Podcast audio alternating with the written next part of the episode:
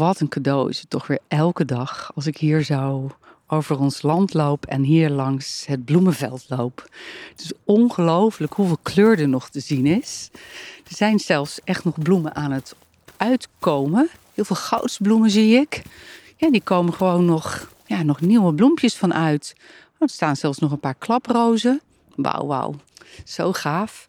En uh, wat waterkers kunnen we van de week nog wel even in de sla eten. Super lekker is dat. En dat ziet er altijd zo gezellig uit. Als je dan een salade hebt gemaakt en je doet er van die gekleurde bloempjes op of in. Meestal leg ik ze er dan zo heel mooi bovenop. Dan ziet het tegelijk echt super gaaf uit. En ze zijn ook nog hartstikke lekker. Beetje zoetig zacht zoet, dan niet suikerzoet, maar zo bloemig zoet.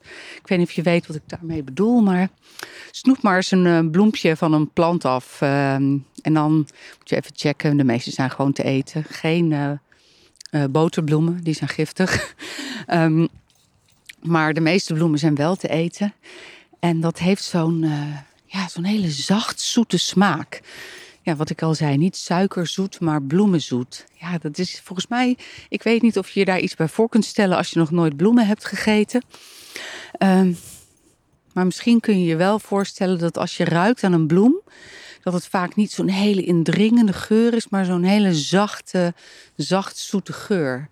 En nou, de smaak van zo'n bloem is een beetje hetzelfde. Zoals die ruikt eigenlijk.